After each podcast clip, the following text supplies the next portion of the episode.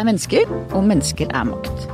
Noen mennesker ligger og vaker rett under radaren, vandrer fra den ene superstillingen i næringslivet til den andre, ukjente for folk flest, men kjent blant næringslivets kjennere.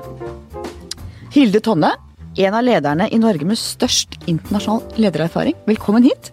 Tusen takk. Du hadde ansvar for Telenor i Asia da det ble avslørt at de drev med barnearbeid i Bangladesh. Det skal vi komme tilbake til. Aller først reklame. Jeg hører på lydbok eh, når jeg kjører bil. Nå skal jeg kjøre om ikke så lenge opp til eh, Lillehammer, så da, da får jeg vel med meg løsningen på Solguden på veien opp, tenker jeg.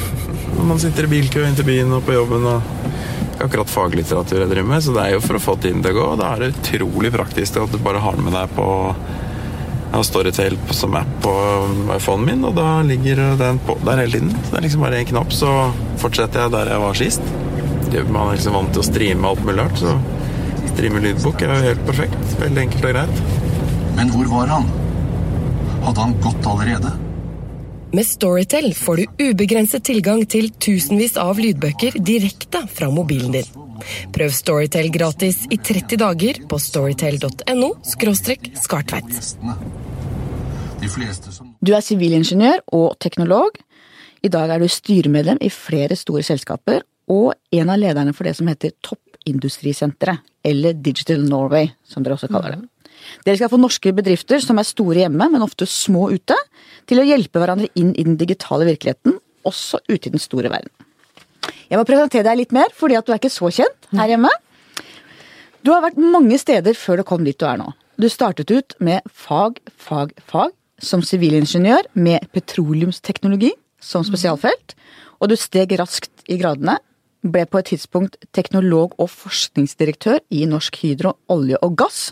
Og så hoppet du av etter fusjonen mellom Statoil og Hydro, på tross av at du hadde fått en ganske fet stilling i det nye sammenslåtte selskapet.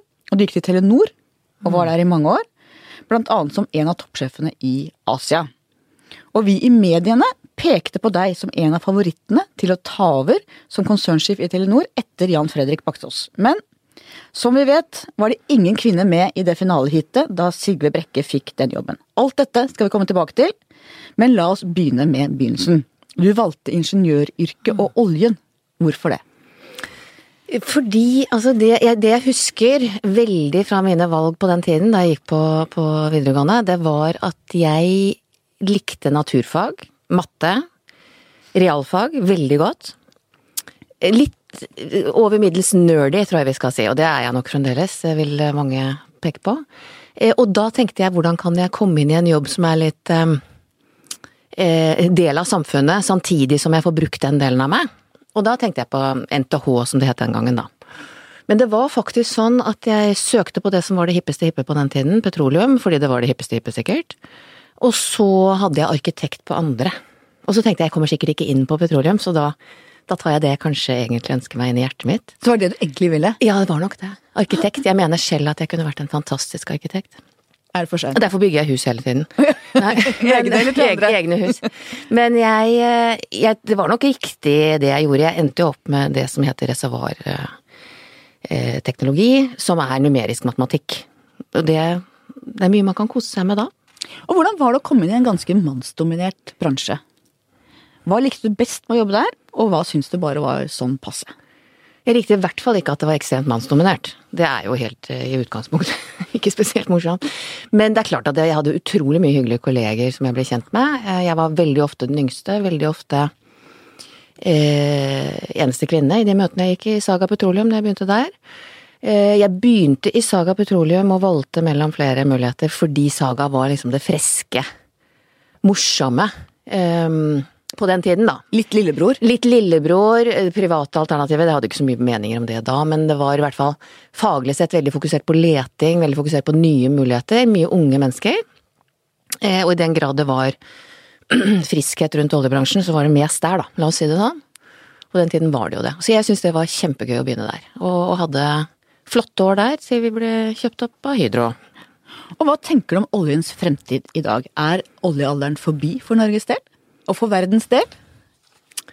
Der er jeg faktisk eh, ganske fremoverlent. Eh, For det første så, så mener jo jeg at Norge som nasjon har gjort en helt utrolig innsats i forhold til å utvinne olje på en bærekraftig måte. Teknologisk har det vist at vi som liten nasjon klarer å løfte oss opp etter håret og gjøre ting som ingen i resten av verden klarte. Og vi har tatt valg på både CO2-avgift og andre måter å utvinne på som jeg syns er Det skal vi være innmari stolte av. Eh, og på politikken, at det faktisk ble og på politikken, vår og på det, for det var også et spørsmål yes, den Det regulatoriske grunnlaget, hva man gjorde Altså, man tok en posisjon. Jeg har lyst til å komme tilbake til det etterpå. Det har vi gjort før. Det kan vi gjøre igjen. Og Og de unge gutta. Jeg var på Ja. Oljemuseet eh, da de åpnet eh, utstillingen til Roar Hagen, hvor de gamle gutta var der som Ja. holdt på. De var slutten av 20-åra den gangen. Ja, tenk deg det. Lå på gulvet og tegnet opp blokkene. Sørga for Carl August Fleischer sørget for at jussen rundt det så faktisk ble Norges Ja. eiendom, som ikke var åpenbart. Altså, det er en historie som er helt fantastisk. Og hva fantastisk. vi gjorde i forhold til både UK og Danmark, Mm. regulatorisk sett, politisk sett, det skal vi være utrolig stolte av. Danmark ga det bort til et rederi og Ja. to amerikanske Jeg jobber oljeselskap. såpass mye i! Danmark at jeg skal være litt forsiktig med å si det på den måten, men det er Jeg Jeg si det. det er en stor forskjell, og det ergrer dem nok litt i dag. Det burde. Men når det gjelder hva jeg tror om, om oljens fremtid, der um, er jeg nok uh, la, Noen vil kalle meg veldig fremtidsrettet. Jeg sitter f.eks. i Vattenfall-styret, som er et av de fire største energiselskapene i Europa. Svensk eh, statlig eid. eh, og, og opplever disrupsjon i energimarkedet fra innsiden. Eh, og vi ser jo hvordan sol Kostnader på sol går kraftig ned, kostnader på vind går kraftig ned, altså alternative energiformer til både alt fossilt, inkludert faktisk gass, beveger seg så kraftig nå at vi skal ikke se bort ifra at en del av det fossile brenselet kan komme til å bli liggende i bakken, mener jeg. Det tror jeg at store energiselskaper skal for, liksom, forberede seg på. Det betyr ikke nødvendigvis at lyset slås av over natta, men det betyr at hvis man er et oljeselskap, eier assets, eier eh, fossilt brensel og satser på det, så skal man jo også forberede seg på en bredde i den porteføljen, tror jeg. Og det tror jeg Norge skal tenke mye på. Betyr at vi er for oljeavhengige i den forstand at vi både tar opp oljen, men også at oljefondet også investerer i fossile energiformer? Altså jeg, hva porteføljen til oljefondet er, det skal jeg ikke uttale meg om. Men det jeg vil si er at vi har i mange år orientert oss altfor mye i én bransje. Eh, Det har preget eh, alt fra alt vi har gjort innenfor næringsliv i Norge i mange år. Det har preget hva vi er vant til av marginer i inntjening. Det har preget hva vi har fått av lønnsutvikling, hva vi har fått av livssituasjonen i dette landet. Og hvis man tror på, som meg, at innovasjon skapes av nød, så er jo det en utfordring for dette Naken landet. kvinne spinner ja, og så og det er lite nakne, nødende kvinner eh, akkurat her nå. Etter oljen så gikk du i det vi må kalle en litt mykere retning, til kommunikasjon og samfunnskontakt. Hvorfor det? Nei, det, altså det, og jeg jobbet så vidt med kommunikasjon i noen måneder i, i Hydro også. Um, nei, det er et veldig godt spørsmål. Altså, jeg husker jeg sa til em, Fredrik Baksås, som jo ansatte meg i Telenor, at hva i alle dager skal du med meg? Jeg kan ikke telekom, og jeg kan ikke kommunikasjon. Eller den brand-biten, da, som jeg også hadde ansvar for. Um, og da var svaret at han ønsket en leder som kom inn og var en del av kollegiet, som kunne ta selskapet videre inn i den utviklingen som Telenor var i. Min vurdering var jeg hadde lyst til å gå inn i en konsernledelse. Jeg hadde lyst til å jobbe i et selskap som var teknologibasert.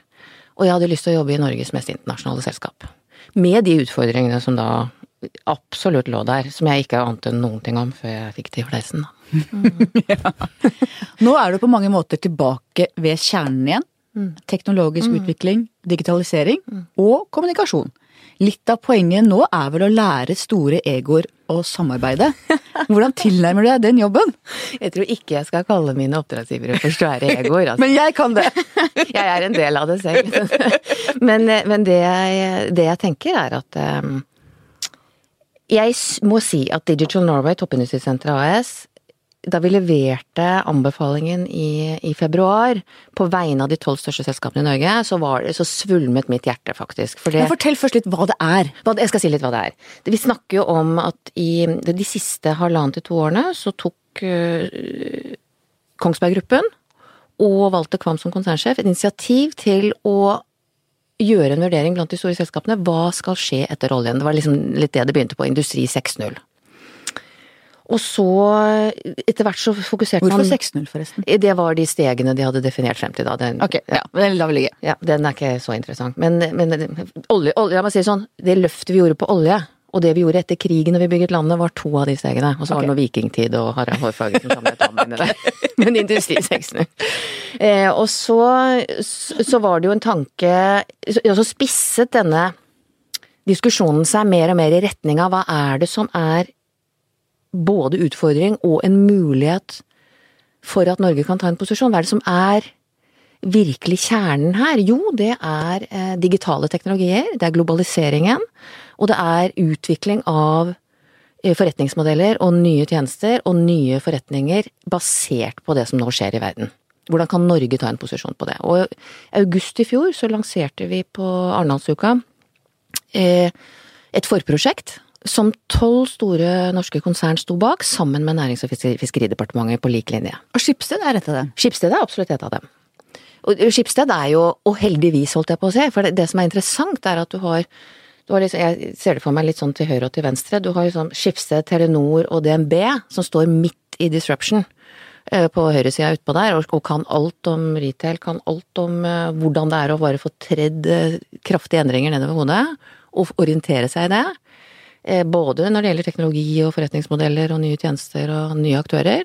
Og så har du Statoil, Aker BP, eh, Kongsberg Gruppen, eh, ja, DNVGL, Yara på, på venstresiden der, som steg for steg ser digitaliseringen komme, men som kanskje ikke har fått det på samme måte som en del av vaskemaskinen ennå.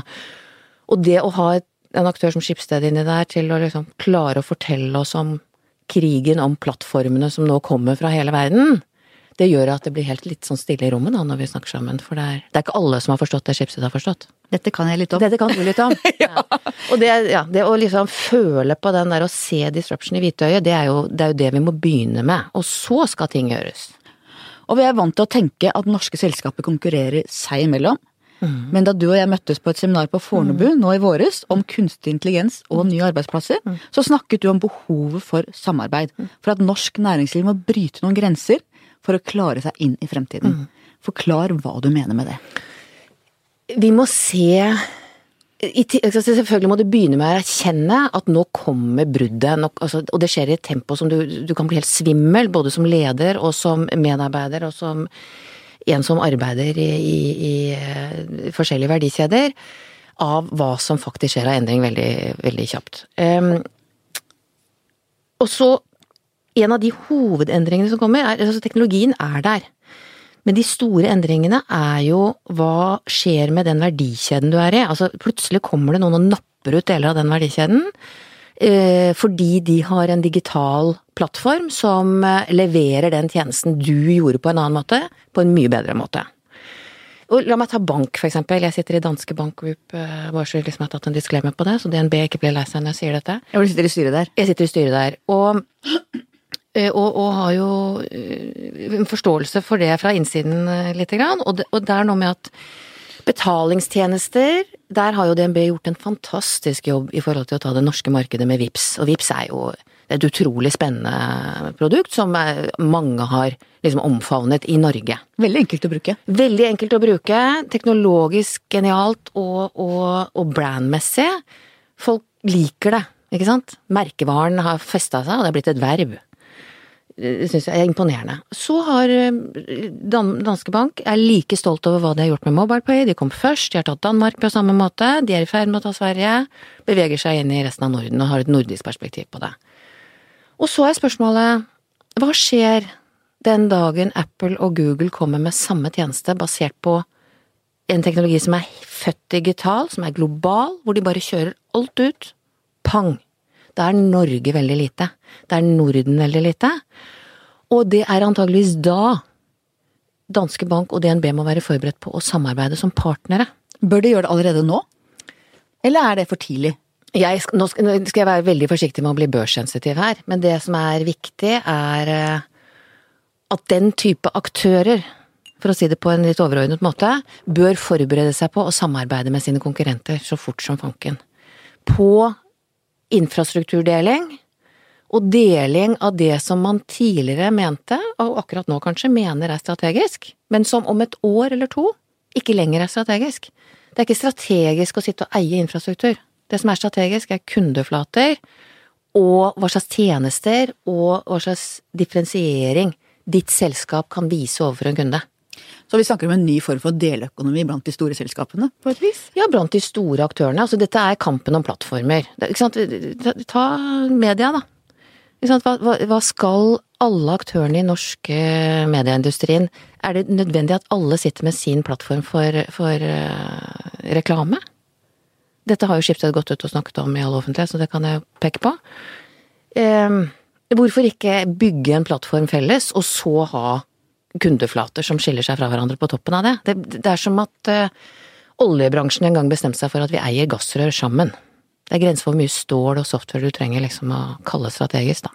Og dette driver dere med på Toppindustrisenteret. ja, det, jeg liker Digital Norway veldig godt, jeg. Ja, du syns, topp, jeg syns det er litt tåpelig med det Toppindustrisenteret, eller? Nei, jeg syns ikke det. Det. Det, og det som, det som er veldig fint med det, det er jo Nå er ikke jeg sånn idrettsanalog. For det er ikke jeg heller. Jeg, nei. nei. Du får ikke meg utpå på det, altså, for, da, for gutta liker dette. Men det er noe med at eh, det som er veldig bra med analogien, er at i Norge så er det lov å digge Ski og fotball, nå har de vært litt ute å kjøre siste tiden, men det, ski og fotball, det har vi lov å digge. Det har vi lov å dyrke. Da kan vi ha helter. Men det er bare der. Ikke nerder, dette er jeg helt enig i. Og nerds er ikke lov. Litt Magnus Carlsen har jo gjort det litt ja, mer lov, da. Til, men, bare, men næringslivet, det kan du jo bare glemme. Og det brenner jeg for.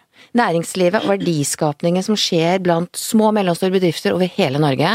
Ikke, ikke skjell dem ut fordi de skaper verdi i et land som ikke er så innmari lett å drive næringsvirksomhet i. Ikke, ikke? Dyrk dem, skap vinnere, få dem til å samle seg, sånn at de klarer seg i en global verden. Det er det som er verdiskapningen for Norge, sånn at vi kan ha et godt liv. Den, det resonnementet der, det ønsker jeg å få frem på en bedre måte. Og det samme gjelder de store konsernene, som kanskje er enda mer uglesett. Ehm, ja, du blir jo litt matt når du jobber 24-7 og syns du står på for eh, verdiskapningen, og så det eneste man er opptatt av, er hvor mye man tjener og sånn. Men det ja, ja. Kunstig, kunstig intelligens, mm. robotisering. Forklar først hva kunstig intelligens er for noe.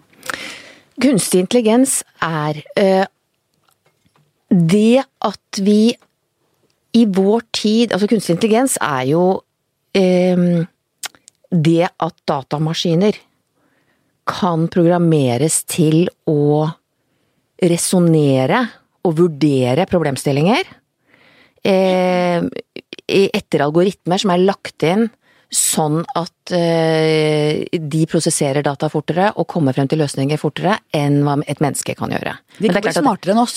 Ja, Maskinene og, kan bli smartere enn oss. Ja, og for der kommer du til neste steg. For én ting er at du har masse data som legges inn av, av mennesker. Du, eh, vi evner nå med en mye større prosesseringskraft å prosessere det ekstremt kjapt. Og vi kan ta enkle sånne uttestingsløsninger når det prosesseres, som gjør at du kan finne svaret fort. Det er kunstig intelligens. Eh, det som skjer nå, og som for så vidt har foregått en stund, men som nå virkelig kommer i virke, det er jo at du klarer å teste ut ting så fort eh, at du, du kan bli predikativ, du kan predikere. Maskinene kan predikere hva som kommer til å skje, fordi de følger en linje som baserer seg på læring. Eh, og de kan lage prognoser og komme frem til, og resonnere seg frem til, og analysere seg frem til svar som ligger frem i tid. Da For begynner du å bli veldig intelligent. For eksempel? Nei, altså da er vi jo på alt fra eh, vurdering av hvordan sykdom utvikler seg i Asia. Eh, fordi du klarer å måle hvordan det begynte med den og den sykdommen i sumplandskapet og på slettene i Pakistan, så vet du fra tidligere at det pleier å utvikle seg sånn og sånn og sånn, dette er matet inn et sted. Eh, sakte, men sikkert så klarer du, eller ganske kjapt, klarer du å gjøre en vurdering av hvordan tror du dette sprer seg. Ehm, det er eh, noe Og så kan vi komme inn på arbeidsliv, for eksempel det en, det en advokat i dag gjør av analyse, basert på input som er mer eller mindre transaksjonell og triviell, da, det kan gjøres veldig kjapt. Når vi da kan begynne å predikere og forutsi hva som kan skje, så kan man jo gjøre en intelligent analyse frem i tid. Da vil en advokats tjenester eh, få en annen form. Da vil de trykke på en knapp, roboten tar den eh, delen, og det empatiske og mer psykologiske, menneskelige vurderingene tar advokaten etterpå. Noen sier jo til og med at en eh, datamaskin kan være på legekontoret og se hvordan du har det bedre enn legen din. I hvert fall fortere. På stemmeleie kan skjønne er du deprimert. Mm. Hva blir igjen til oss da? Jeg mener at det blir igjen ganske mye, jeg. For dette, dette kan ikke skje, dette vil ikke skje uten Altså, det empatiske er jo ikke der. Det psykologiske, menneskelige er jo ikke der. Så når det gjelder alt fra advokater til eh, eh, folk som sitter i dag, ingeniører ikke minst, ikke som sitter og gjør analyser eh, og, og simulerer eh, og predikerer. Dette vil kunne skje veldig mye kjappere, og uten at en ingeniør sitter foran skjermen. Eh, ikke sant? Legestanden, helse, dette vil, det vil skje kjappere, det vil skje antageligvis grundigere, fordi du får sjekket ut ting veldig, veldig mye raskere og mye bredere. Men den menneskelige vurderingen til syvende og sist skal alltid være der. Så jeg tenker at utdanning, altså advokatutdanningen i Norge må jo da, eller i verden, må jo da ha psykologi på agendaen. Ingeniører må lære mellommenneskelige eh, ferdigheter. Det er ikke så lett! Det er en ny greie. Leger også, spør du meg. Ja, ikke sant? Men et av eksemplene som ble trukket fram på dette seminaret vi var på, på Fornebu, var jo eh, at en lege kan se et symptom og mate inn i maskinen, og så går den maskinen gjennom, brrr, gjennom alt som finnes i hele verden av litteratur, og kan si 'dette feiler du', dette kan vi gjøre. Så du kan reparere mennesker eller behandle mennesker på en helt annen måte. Du diagnostiserer utrolig mye fortere og mye grundigere. Det tror jeg på. Og så skal du huske på at utgangspunktet for dette, for at det skal bli sånn rrr, som du sier der, er jo at dataene er der. Eh, og, og dataene må være tilgjengelige, dataene må, må prosesseres eh, på en fornuftig måte, ellers så kan du jo sitte herfra til månen og sitte og vente på det. Eh, og du må Altså, det er jo dette prinsippet om dårlige ting inn og dårlige ting ut er jo der fremdeles. Sånn at du må på en måte ha en ferdighet i hvordan du velger data, plukker data og, og har intelligens rundt det. Så det er også et utgangspunkt. Og da kommer jo type privacy, cybersecurity De problemstillingene kommer jo inn som bare det. Og- der er vi jo litt på hæla i verden akkurat nå, i forhold til hvordan vi skal håndtere data for mennesker, og hvordan dette skal bli nyttiggjort på en riktig og god måte. For nå, akkurat nå henger vi litt eh, etter, da. Ja, for det gir jo både større muligheter, men også mye større sårbarhet. Ja, det er det det gjør. Det gir mye større sårbarhet. Jeg har jo en sterk tro på at dette kommer vi til å løse, eh, men vi er ikke helt der at vi har løst det ennå. Eh, Og, og da må det løses teknologisk, det må løses politisk og regulatorisk. eh, Og så må vi passe på å ikke gå i noen grøfter i forhold til å bli ekstreme den ene eller andre veien. Det er jo noen ting som bare skjer, og, og, og rammeverk for privacy i verden for eksempel må jo være noe som lener seg på ganske globale prinsipper, etter min mening. Vi kan ikke være et eget land som sitter og er ekstremt privacy-driven, og så, ja. Jeg merker at jeg både er veldig fascinert og litt skremt av den utviklingen. For det er, jo, det er jo ikke en stat eller et stort selskap som bestemmer dette etter de lange linjene. Den utviklingen går jo med små knepp fra enkeltpersoner og småselskaper. Det er en utvikling som bare går nesten som en slags naturkraft. Det er nettverksutvikling som er ganske kraftig. Og Jeg ser jo han um, israelske akademikeren eh, som heter eh, Yaval Noah Harari, som har skrevet eh, menneskerettens historie, og også skrevet noe om fremtiden. Han diskuterer jo hva skjer den dagen maskinene blir smartere enn oss. Det kan vi ikke svare på, for da er jo de faktisk smartere enn oss. Og han snakker om at vi kanskje eh, Mennesket om 200 år vil være like forskjellige fra oss som vi er fra steinaldermennesket, er hans prediksjon. Og han sier at vi skaper på en måte maskiner med kunstig intelligens som har evig liv. De trenger ikke, å tenke på døden, som vi må. De har ikke lyst på sex, de er ikke opptatt av å formere seg. Altså, det er noen perspektiv her som jeg kjenner at jeg får helt sånn søkk i magen av. Jeg vet ikke hva jeg får søkk i magen av det. For det første så tror jeg det er jo det, er jo det som gjør oss til mennesker, at vi, at vi blir sultne og har lyst på sex og kommer til å dø, eh, og har tanker rundt det. Eh, og lykke og empati og Altså, jeg, jeg er ikke der at jeg tror at maskinene overtar. Jeg er ikke der i det hele tatt. Men jeg er der at uh, vi Jeg har tro på at mennesker er i stand til å gjøre dette på en god måte. Vi kommer til å gå i veggen noen ganger, og det, det har jo alltid vært krig, og det har alltid vært bråk, og vi har alltid vært liksom valgt feil leder en periode, og, men vi tar oss jo inn, og vi ordner dette, tror jeg. Og jeg eh, jeg er jo selvfølgelig teknologioptimist, men det aller viktigste med teknologi er at vi som mennesker klarer å håndtere det på en god måte, og det er, jeg er optimist på det òg, jeg. Jeg tror du har rett i det. Jeg tenker det er noen Men utfordringer det er, noen, underveis. det er noen voldsomme utfordringer. Men tenk på hva slags utfordringer vi har hatt, da. Hvis du bare tenker på, på din og min barndom. Når fikk du mobiltelefon? Jeg simulerte min hovedoppgave i Tyskland eh, på en Cray-maskin som jeg kunne sitte på. Det var sånn egen pute på den. Den var diger. og det simulerte hovedoppgaven min. Numerisk matematikksimulering. Og da Den hadde vel en, en kraft på linje med en iPad 2. Og det var det største i verden. Dette var på et kjernefysisk anlegg i Tyskland. Noe av det største som fantes i verden. Så, så og etter det kom mobiltelefonen, og da husker jeg hun ene tyske assistenten min kom og spurte Har du hørt om internett? Har du lyst til å se? For de var knyttet opp mot eh, militæret i, i Tyskland på den tiden, og og var en av de første ute da. Dette skjønte vi jo ikke. Skjønte du hva Ja, nettopp. Skjønte Nei, du hva du tenkte så? det var mail, tenkte jeg. E-mail. Og så husker jeg vi satt i Saga Petroleum da jeg begynte å jobbe der, og diskuterte skal vi begynne med e-mail som går utover den interne vi hadde fått fra Exxon, som var vår teknologiske eh, rådgiver fra det store utland.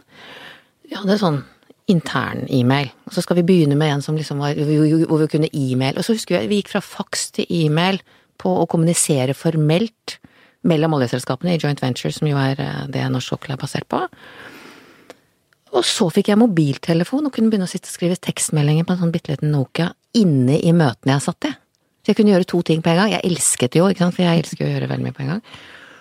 Og sånne brudd som vi har vært med på, og som barna Nå sitter jo Og bare mine to døtre, en på 16 og en på 20, har jo forskjell i hvor savvy de er på grunn av de fire årene. Ja, det blir generasjonsskiftene blir på en måte mye kortere. Mye kortere. Så, så vi har vært gjennom greier, da. Men tempoet nå er ganske høyt. Veldig. på den. Eh, jobber blir jo borte, det er jo en Mm. del av prisen. At særlig low skilled jobber, altså jobber som ikke krever mye formell Mm. utdanning, transport, varesektor, blir borte. Hvordan skal vi takle det? For det første så tror jeg ikke det, vi er ikke på, på lavskill-jobber lenger. Vi er på det vi snakket om i stad, vi er på ingeniører. Vi er på begge deler. Vi er på absolutt lavskill, det er mer repetitive, tekniske oppgaver, men analyseoppgaver. Eh, alt fra, altså folk som sitter med syv års utdannelse må endre måten å jobbe på ganske kraftig. I de nærmeste fem årene, tror jeg. Men blir det også færre jobber? Jeg tror det blir færre jobber av det vi har i dag. Det er mitt svar på det. Og det jeg tror Det er klart at det er en kjempeutfordring, også for et land som Norge, det vi nå er midt oppi.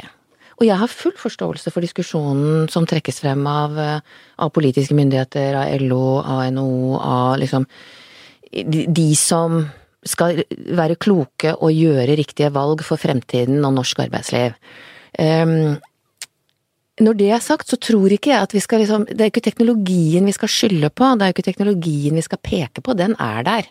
Det er endringen vi evner å gå igjennom, og vår evne til å ta, gripe mulighetene, som gjør om vi vinner eller ikke.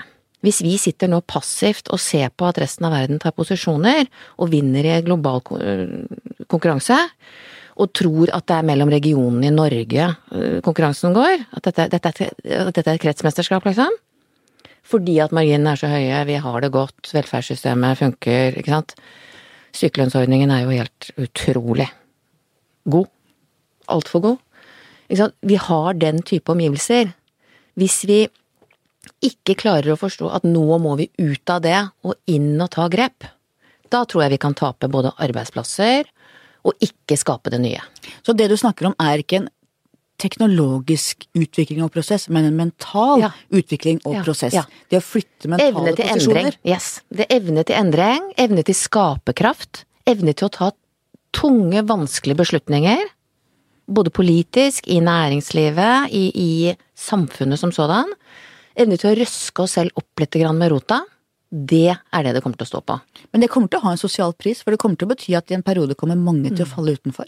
Jeg tror at eh, det kommer til å, å være Altså, all endring er vanskelig.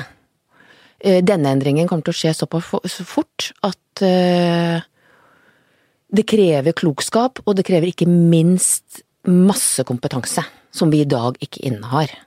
Og de som skal beslutte hvordan vi utvikler den kompetansen, de som skal forstå at vi må dele og finne nye forretningsmodeller, finne nye politiske, regulatoriske grunnlag.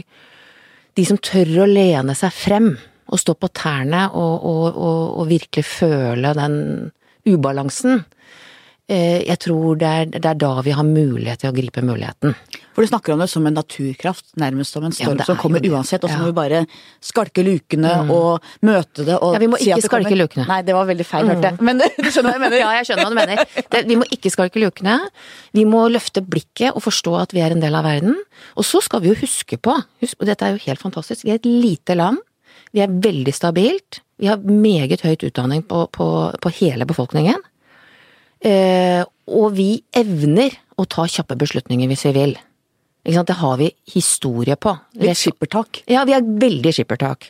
På godt og vondt. På godt og vondt. Men jeg, blir, jeg er mye i Stockholm og, og, og, og København i forbindelse med, med styreverv og annen jobbing, og det Jeg ser jo Danmark og Sverige. Det er et eller annet med at de de griper muligheten nå litt kjappere enn oss, syns jeg. Hvis du ser på for eksempel eh, Opera Software, nettleser, Mm. forsvant ut. Mange gode Folk finner jo på mye i Norge, Mm. men vi klarer ikke å holde på det. Vi klarer ikke å få det til å vokse stort her. Mm. Hvordan skal vi få til det, og hvorfor klarer vi ikke å gjøre det? Jeg, jeg har ikke noe veldig sånn uh, svart-hvitt-svar på det. Uh, jeg, det er jo veldig mye vi får til, uh, bli, bli, til å bli her også. Bare det å skape opera er jo noe vi virkelig skal være kjempestolte av. Det kommer jo fra, fra Telenor opprinnelig, sånn forskningsmiljø der. Og det skal vi alle være stolte av. Masse flinke mennesker som jobba frem det. Eh, og at kinesere ender opp med å kjøpe opp det. Eh, jeg vet ikke om det er det som er problemstillingen. Eh, men det er klart at vi har en sånn klokketro på, eller har hatt en klokketro på, at hvis vi setter av penger i store fond, som er statlige, i en eller annen shape and form, så tror vi på at det skaper næringsutvikling.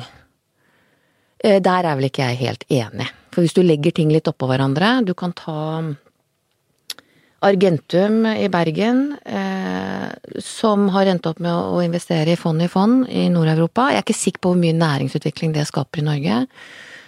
Forskningsrådet gjør en kjempejobb. De fordeler 11 milliarder i året, men de er jo en del av virkemiddelapparatet. Men de gjør en kjempejobb, syns jeg. Det er absolutt noe stjerne i boka der. Innovasjon Norge, størrelsesorden Jeg husker ikke helt, det er 7 til 11 milliarder, et eller annet. Det er i hvert fall mange milliarder. Eh, Du har Funker det? Innovasjon Norge? Jeg tror de er på vei. Eh, De har en fokus som jeg syns er veldig riktig eh, fra toppen.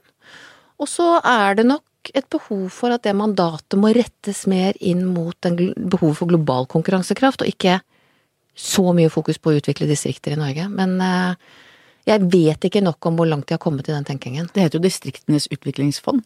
Ja, der tror jeg vi skal tenke oss om litt.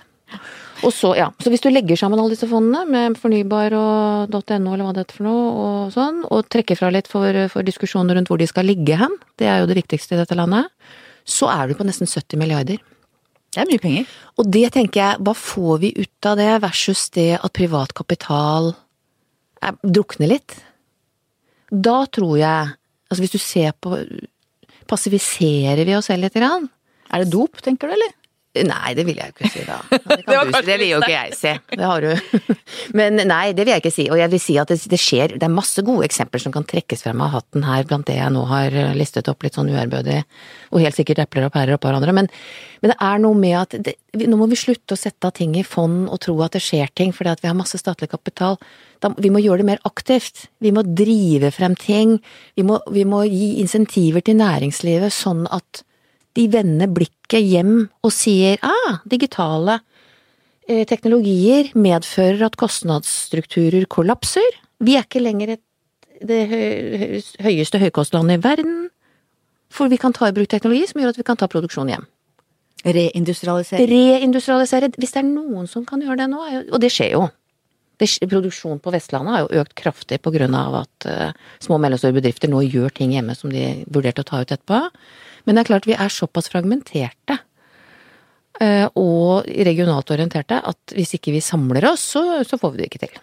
Næringsnøytralitet har vært en dyd i norsk politikk i nyere tid. Eh, Er det en god ting, eller bør man staten støtte noen næringer eller noen retninger fremfor andre? Jeg syns det er et veldig vanskelig spørsmål. Jeg, nok, jeg heller nok i retning av at eh, en stat skal passe på landet sitt og lene seg frem på næringsutvikling. Uh, igjen da, se på Danmark. Hva er det de De er, fint, de er jo dønn pragmatiske. Ja, men da gjør vi det sånn, da. Vi lager et, eh, et skatteregime for forskere, sånn at et av verdens største medisinske selskaper, som happens to be dansk, Novo Nordisk, får de beste forskerne i verden til seg. Skattelette I til lille på personnivå. Danmark. Ja, på personnivå. Du får skattelette i fem år hvis du er forsker i Danmark. Svopp, så har Novo Nordisk det beste i verden i sin midte. I Danmark.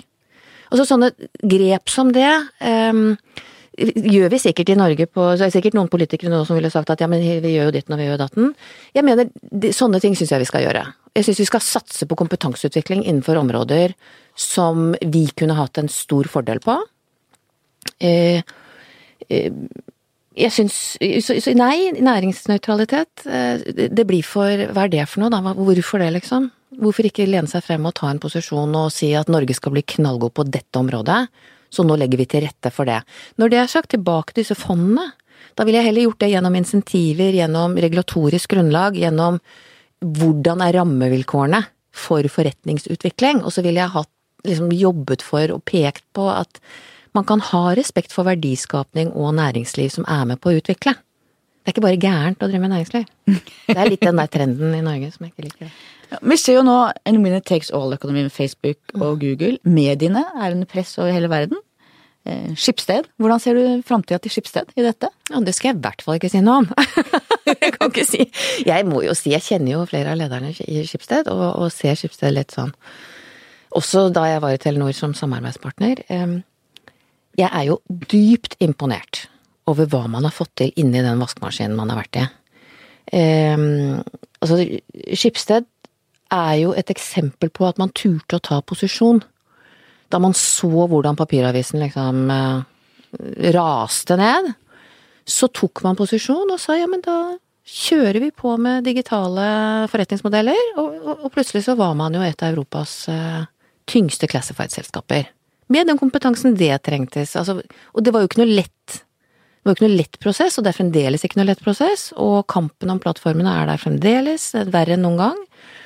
Fremtiden til Skipsstedet i den sammenhengen eh, Jeg bare tenker at med en ledelse og en organisasjon og en kultur som har vent seg til endring i høyt tempo, så er det jo mange muligheter for å ikke bare overleve, men vinne.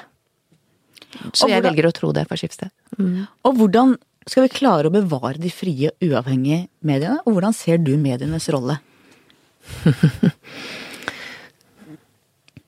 Jeg tenker at eh, det vi i hvert fall ikke må tape når det gjelder eh, medier i Norge, er kompetanse. Og det som i hvert fall jeg personlig, og liksom litt fra sidelinjen med, har sett, da, er jo at når ting skjer veldig kjapt, og det skal være veldig hipt, og det er antall klikk som teller, og liksom ting beveger seg veldig fort for de som jobber med i mediene, og som er journalister, som er medieledere, så er det en risiko for at kompetanse og kunnskap eh, taper. I hvert fall på veien. Så hvis man skal overleve og ha respekt fra sine omgivelser, og så tror jeg ikke det er veien å gå å bli sånn ekstremt tabloid og, og populistisk og, og vinne folkets hjerte i ti minutter på tulleting. Jeg tror at jeg har veldig tro på menneskets ønske om å substans og kompetanse og kunnskap og innsikt. Og det er jo underlig at når man leser ting og man kan noe om, så er det ofte feil. Mener du det? Ja, vet du hva, det syns jeg. Det syns jeg er synd å høre. Jeg syns vi gjør en ganske god jobb, jeg. Ja, men det, vet du hva? Jeg tror, jeg tror det er en risiko, det jeg sier nå. Og så tror jeg man kommer seg videre. Men man ser eksempler som er ganske grelle. Det syns jeg. Så sterke redaksjoner må være svaret, da. Ja. Det, dette kan du bedre enn meg, men helt sikkert sterke redaksjoner. Fokus på kunnskap, eh, og liksom en sånn litt sånn forherligelse av det substansielle, da. Altså, kan ikke det være kult, da?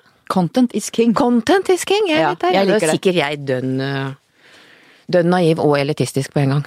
Nei, men eh, god, jeg mener jo at VG Jeg mener at VG alltid har vært en god substansavis som har vært litt rampete, men vært den gneldrebikkja i bakgården som holder makta i VG øret. Ja. Uh, og jeg, synes, jeg er ganske stolt av VG. Det syns jeg du skal være. Det er jeg helt enig med deg. Ja. Og så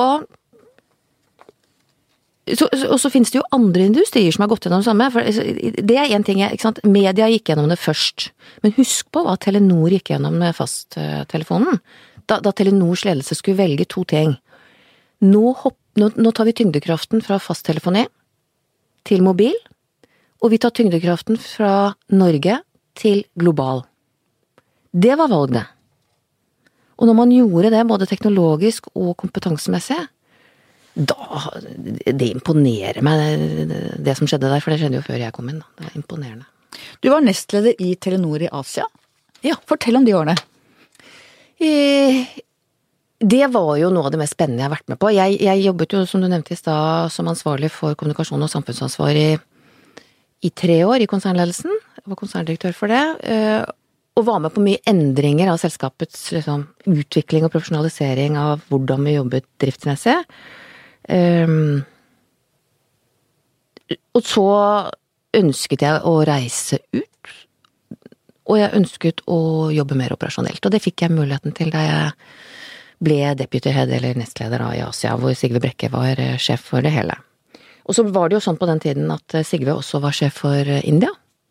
Så det, jeg, han, måtte jo konsentrere seg mye om det, og jeg jobba mye med de fire andre markedene, sammen med kolleger i, i konsernledelsen. Så det var litt sånn Fikk kjørt meg da.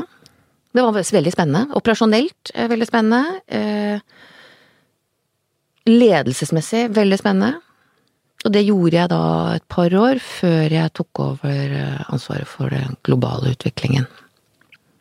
Jeg nevnte barnearbeid i Bangladesh. Det ble avslørt at Telenor var involvert i å bruke barnearbeidere, og du frontet den saken for Telenor. Hva tenker du om hele sakskomplekset i ettertid? Jeg tenker akkurat det jeg sa. Jeg hadde jobbet i Telenor i tre måneder da dette kom, eh, ble oss forelagt gjennom en, en dokumentar av Tom Heinemann fra, fra Danmark. Uh, og på den tiden, jeg nevner de tre månedene fordi at jeg visste ikke at vi drev med stålproduksjon, i, eller hadde det i førstelinje leverandørsjiktet i Bangladesh, og jeg visste vel knapt nok eh, at vi hadde antenner på stålmaster. Um, så, så det kom litt i fleisen på meg, men det kom jo i fleisen på hele selskapet. Poenget var da vi frontet dette, og da, vi, da jeg frontet det første gang, så sa jeg rett ut at vi er rett og slett umodne på hvordan håndtere leverandørkjede som sådan, og i hvert fall hvordan håndtere leverandørkjede i et vanskelig land som Bangladesh. Vi er umodne i hvordan vi gjør det juridisk, vi er umodne i hvordan vi gjør det operasjonelt, og dette skal vi nå rydde opp i. Og det var sannheten. Vi visste ikke hva som foregikk i vår leverandørkjede. Og det går ikke an når du når du er et stort globalt telekomkonsern med en leverandørkjede som er tre-fire ledd nedover. Det er nemlig krav til at du skal håndtere hvem det er som gjør hva i den leverandørkjeden, og de gjør det jo egentlig da på vegne av deg.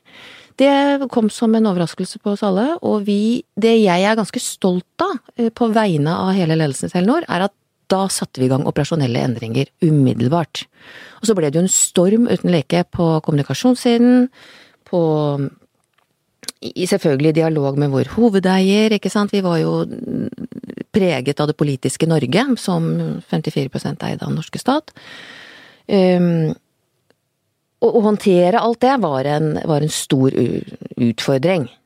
Men det var allikevel ikke det som var det tyngste. Det tyngste var å gjøre den operasjonelle endringen steg for steg i alle operasjonene våre over hele verden. Og det var det viktige.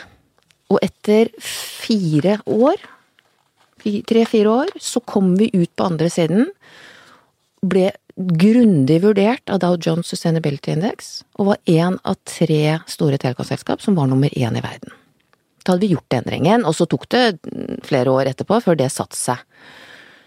Men min fokus rundt det var fra begynnelsen av, og er fremdeles nå, det operasjonelle endringen og det ledelsesmessige som tar tid å endre, og det kulturelle som tar tid å endre. Hvordan vurderer du etter hele Telenors Asia-engasjement? De har måttet gå ut av India med enorme tap, skrevet ned 25 milliarder. Eh, onde tunger, tunger sier at dere egentlig bare solgte SIM-kort der. Du vet hva, jeg skal ikke kommentere Telenors operasjoner. Det har jeg ikke anledning til, rett og slett, og jeg ønsker ikke å gjøre det. Men det jeg har lyst til å si, det er at jeg var en del av konsernledelsen i åtte-ni år. Det, er, det var en glede å jobbe i Telenor. Det er utrolig mye flinke folk der.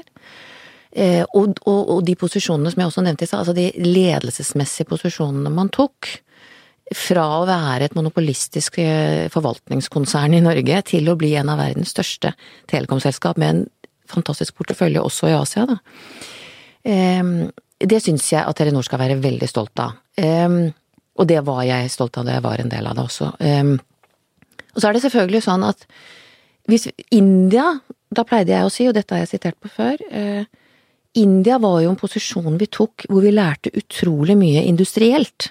Industrialiseringen av driften i våre selskaper over hele, hele verden lærte veldig mye fra de indiske operasjonene. I India så er Telekom basert på litt andre forretningsmodeller, andre kostnadsstrukturer, utrolig effektivitetsfokus og et veldig kompetativt marked. Det er klart, vi, vi brukte jo det vi lærte der, og tok det tilbake til andre operasjoner, og økte gjennom det verdien av Telenor som sådan. Det skal vi ikke glemme. Så til ansettelsesprosessen i Telenor. Den kommer vi ikke utenom. Mm. Hvordan ble det som det ble, uten en eneste kvinne i sluttspurten, på tross av at statsråden hadde gitt sine signaler, og lå en tydelig forventning om at man i hvert fall burde ha med kvinner i sluttspurten når man vurderte hvem som skulle bli ny konsernsjef i Telenor. Og én ting er at det ikke ble det endelige resultatet, men at det ikke engang var noen inne i finalen. Dette vet jo ikke jeg så mye om. Ehm, jeg var ikke en del av prosessen, og jeg Det burde du jo ha vært, mente mange. Ja, og det er ikke min eh, greie å ha en eh, kommentar på det, men, men Men når jeg mener at jeg ikke var en del av prosessen, så mener jeg at jeg kjenner ikke til hva som skjedde på innsiden der. Hvordan kan vi få flere kvinner til topps i norsk næringsliv? Jeg tror at det er jo moderne å snakke om unconscious bias på fint, da, akkurat nå i våre dager. Dette med å dette med å vurdere kvinner og menn forskjellig fordi at det er forskjellig form og farve, det har jeg ment en stund eh, er der. Og det er noe som skjer når eh, du skal ta tunge ledelsesmessige beslutninger, også på rekruttering. Og jeg har vært med på det selv. Du, du ender opp med å ikke være helt sikker på om du ønsker å ta risiko. Og risiko kan være sett fra litt sånn hva skal jeg si for noe, uten at du egentlig tenker over det, at du velger noen som er veldig forskjellig fra deg selv. Eller som oppfattes å være veldig forskjellig fra deg selv. Har litt høyere stemmepitch, har lengre hår og mye mer armer og en annen måte å adressere ting på. Jeg tror mye ligger der, faktisk. Det er et eller annet med at For det er ikke sånn Jeg er ikke der at det ikke finnes rekrutteringsgrunnlag. Jeg er ikke der at kvinner ikke vil. Kom ikke til meg med det, altså. Nei, det er jeg helt enig i. Da blir jeg hissig. Og jeg har blitt så forbanna, må jeg si noen ganger. Når man f.eks. kalles inn til kvinnepanel for å diskutere ja. hvorfor blir ikke kvinner. Det er jo menn, er jo menn som ikke som ansetter kvinner. Ja. De bør ta det i konsernledelsen i disse snakke gutta imellom.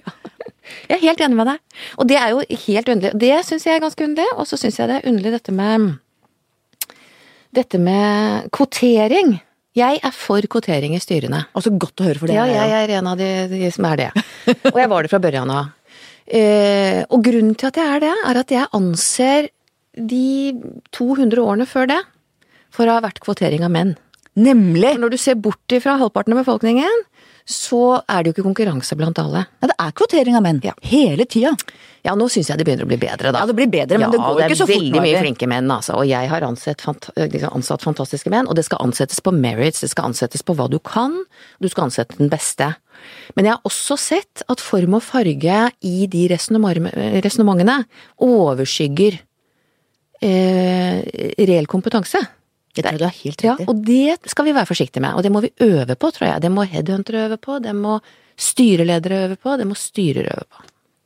Og hva er det med deg som gjør at du har gått inn i så mange tunge lederjobber? I, um, nei, jeg, jeg, ønsker å være med å bestemme, det er vel jeg har, jeg har problemer med å ikke rekke opp hånda og ha en mening. Altså, jeg liker jeg kan jo selvfølgelig si det på en eh, litt mer sånn rund måte, men jeg, det er nok der jeg alltid ønsket å være med å bestemme. Jeg ønsker å Og så er jeg Jeg liker å drive frem eh, utvikling. Og det er ofte derfor jeg har hatt de stillingene jeg har hatt òg, da. Jeg jobber jo med utvikling, jeg jobber med endring, jeg liker å jobbe med mennesker. Jeg pleier å si det, ikke sant. Jeg liker å få svære tankskip til å bevege seg i, i riktig retning. Og jeg liker å forstå og komme frem til hva den retningen er. Det gjør man jo ikke i noe vakuum, det gjør man jo sammen med ekstremt flinke folk. Jeg liker på en måte å, å jobbe i team. Uh, Og så liker jeg å gjøre det basert på kunnskap. Jeg er ganske sånn uh, uh, kompetanseorientert. Og jeg er på ingen måte den beste innenfor de forskjellige områdene i det hele tatt. Jeg tror nok at min styrke er å se Det blir jo ofte sånn med toppledere at du, du er evner å se helheten. Og evner å lytte til smarte mennesker som er mye smartere enn deg selv eh, innenfor forskjellige områder. Du har vokst opp på Svartskog, Mm. langt ute på bygda, rett ved Oslo. Et av de vakreste stedene ved Oslofjorden. Ja, så hyggelig at det er endelig noen som vet hvor Svartskog er. Ja, for det er fortsatt et ganske hemmelig sted. Fortell om oppveksten din. Du, ja, det er morsomt at du nevner. Jeg tok skolebuss, da. I hele mitt liv. Og hadde Vurderte- utedo. Vi vurderte nemlig å kjøpe hus der. da vi Gjorde det, ja. det, Særlig mannen min er helt hekta på Svartskog. Ja, men men, det var for langt unna alt. Nei, det er jo ikke det. Det er bare 20 minutter fra Oslo sentrum. Sa vi, da. Det er jo sikkert en halvtime. Vi juksa litt, sikkert. Men det er klart at det er litt mer. Broren min bor der nå, i vårt barndomshjem. Jeg var der på en, eh, min nevøs 17-årsdag på søndag. Og det er jo sånn når jeg kjører ut der at jeg bare tenker for en oppvekst. Litt sånn eh, 70-tallshippie. Eh, Vi hadde folkevognbuss, sånn til tilsammens folkevognbuss, og den måtte jeg vaske hver gang jeg skulle på kino. Eh, Jeg ble aldri kjørt noe sted, så jeg sykla den der mila da, til Kolbotn. Og så tok vi skolebuss. Og jeg hadde langt hår som jeg ikke fikk lov å klippe, og vi hadde utedo. Var det hippieforeldre, altså? Nei, jeg vet, mamma og pappa ville jo ikke på noen som helst måte være enig i det. Hva drev de var- de med? Faren min er tannlege, og moren min eh, var, drev eget firma, dentalfirma. Og var litt sånn datautdannet. Eh, veldig sånn entreprenørfokusert. Lyseblå Høyre. Eh, på den tiden var jo det faktisk også litt hippie. det blir litt forvirrende nå, sikkert. Men vi var eh, Alle hadde langt hår og slengbukser, og fikk ikke lov til å ha hjørnet. Det fikk ikke jeg heller. Ja, så hyggelig! Er du vokst opp sånn òg? Nei, egentlig ikke. Jeg var mer sånn akademiker, bokfamilie på Manglerud, Dramantby på østkanten. Men Kanskje det er i full circle, kanskje det er noe samme. Ja. Jeg fikk ikke lov til å ta hull i ørene, og fikk ikke lov til å klippe håret. Men så gikk det over, jeg bare gjorde det til slutt. Ja. Fortell om foreldrene. Hva slags typer var de? De var jo unge, jeg er eldst, så de var jo 23 når de fikk meg, og var unge foreldre.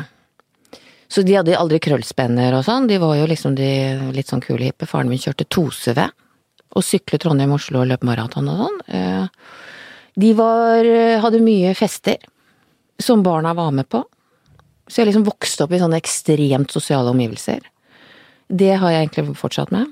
Eh, og det er litt sånn ennå. Nå er det jo 76 begge foreldrene, og og det, det morsomste vi gjør, faktisk, og det gjelder Jeg har to søsken. Og det morsomste vi gjør, er å være sammen med foreldrene våre og storfamilien. Vi koser oss med det. Så innmari hyggelig. Og da blir det litt fest, altså.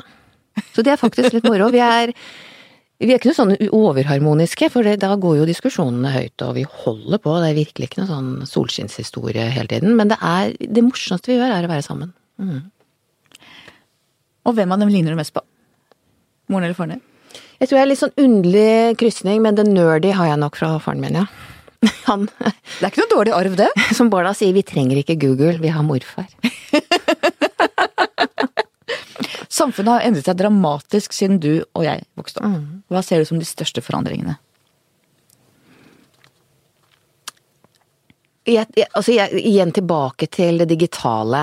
Jeg tror, jeg tror jeg må nevne det, for at, jeg var utvekslingsstudent i USA da jeg var 17-18 år. Vi skrev brev. Jeg fikk lov å ta én telefon i halvåret hjem.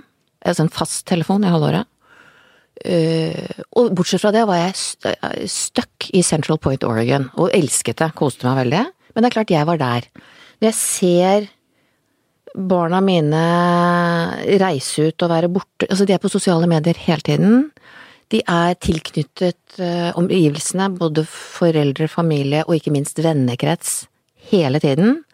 Altså, jeg tror det må gjøre noe med hvordan vi håndterer ting. Hvordan vi hviler i hodet, hvordan vi tar til oss læring, hvordan vi, både positivt og negativt, eh, bruker hjernen vår, da. Og hvordan vi evner å, å jobbe og leve og Tror du det gjør noe med hjernen vår, rent fysiologisk? Nei, og trådene går annerledes, Ja. og attention span blir Jeg tror- annerledes, og altså, Nei, vet du hva, dette kan ikke jeg synes om, altså. Men det jeg kan si er at for, for sånne mennesker som meg, som har fem motorveier inn og fem motorveier ut, jeg har ganske sånn heftig simultankapasitet, så, så er det greit å skru av noen ganger. man trenger det. Mm. Hva sier du om de viktige verdiene i det norske samfunnet? At det ikke er store forskjeller på folk. Det tror jeg er utrolig viktig. Og samme hva man mener politisk, så tror jeg vi er enige om det. Og hvis du ser, altså jeg har bodd i Thailand, jeg har vært over hele Asia, jeg har øh, bodd i Tyskland, i USA, Danmark til og med, altså vært mye utenfor Norge og utenfor Norden. Hvis det er én verdi jeg ser, så ser jeg at du får utnyttet potensialet til hele samfunnet sånn verdiskapningsmessig ved at det er flate strukturer, lite forskjeller. Du sikrer eh, at det ikke blir sosial uro. Folk stoler på hverandre. Folk stoler på hverandre, og du får en klokskap i valget av ledere. Bare nevner det. Eh, Som, som gjør at du ender opp med eh, en positiv utvikling. Og, det, og, og hvis du tenker deg om, så er det egentlig bare Norden som kan si at de har det sånn. Andre steder godtas større forskjeller på en helt annen måte, og det tror jeg er eh, kjemperisiko, og den risikoen tror jeg vi ser nå. Hvordan ser du religionens plass i det norske samfunnet? Og det var veldig sånn Sånn spørsmål. Jeg tror um, Altså, jeg vokste opp med kanskje litt mer nærhet til religion, religion enn andre. Ikke mye, men litt. Ørlite grann. Det er sånn at uh, Vi gikk i kirken på første juledag også, liksom. Det er mer på det nivået der, da. Og jeg ble konfirmert i kirken. Jeg har en datter som er aktiv i Ullern kirke som leder for konfirmanter. eh, Og koser seg med det. Eh, Jeg tror at Jeg tror at det der med å tenke på de litt indre tingene i livet, når alt liksom suser rundt deg ellers, jeg tror behovet for det kanskje er økende. Om det er religion, eller om det er eh, en lang løpetur, eller om det er at du liksom tar deg tid til å sitte og tenke over ting litt mer enn du Litt mer bevisst enn du kanskje gjorde før. Jeg tror det er nødvendig. Men jeg er også der at jeg Jeg er glad for at vi er et ganske sekulært samfunn, sånn rent praktisk. Tror du på Gud selv? Jeg tror på at det er noe høyere makt. Men jeg er ikke sikker på om det er den norske kirkes gud, liksom, eller den eh, Da jeg bodde i USA, så var, det, var jeg jo innom noen, eh, noen morsomme Jeg hadde mye venner som var i mer sånn ivrige kirker, da, med hendene i været og sånn. Jeg, jeg så på det litt utenfra og inn. Jeg lar meg ikke liksom ikke henføre, Jeg lar meg ikke henføre så Du gir deg enkelt. ikke over. Men jeg tror veldig at det er mye mellom himmel og jord vi ikke på noen som helst måte har alle svar på. Ber du? Nei. Jeg har vel gjort det i, i både tunge og andre stunder, men det er med, alltid med en litt sånn Ja, vi får se da, liksom. Just in case. Ja. Jeg tror ikke jeg, jeg, tror ikke jeg er typen jeg ville pekt på og sagt at hun er en bedende type, nei. Til slutt, mitt faste spørsmål. Hva skal bli historien om deg? Hilde Tonne, det var hun som Var med på å utvikle samfunn gjennom eh, profesjonell og engasjert deltakelse i forretning og business. Og som ellers levde et godt liv med familie og venner. Åh, Det er det viktigste. Det er det viktigste. Tusen takk for at du kom. Takk for at jeg fikk komme. Takk til deg som hørte på. Takk til researcher Grete Ruud og vår faste produsent Magne Antonsen. Vi høres igjen neste uke.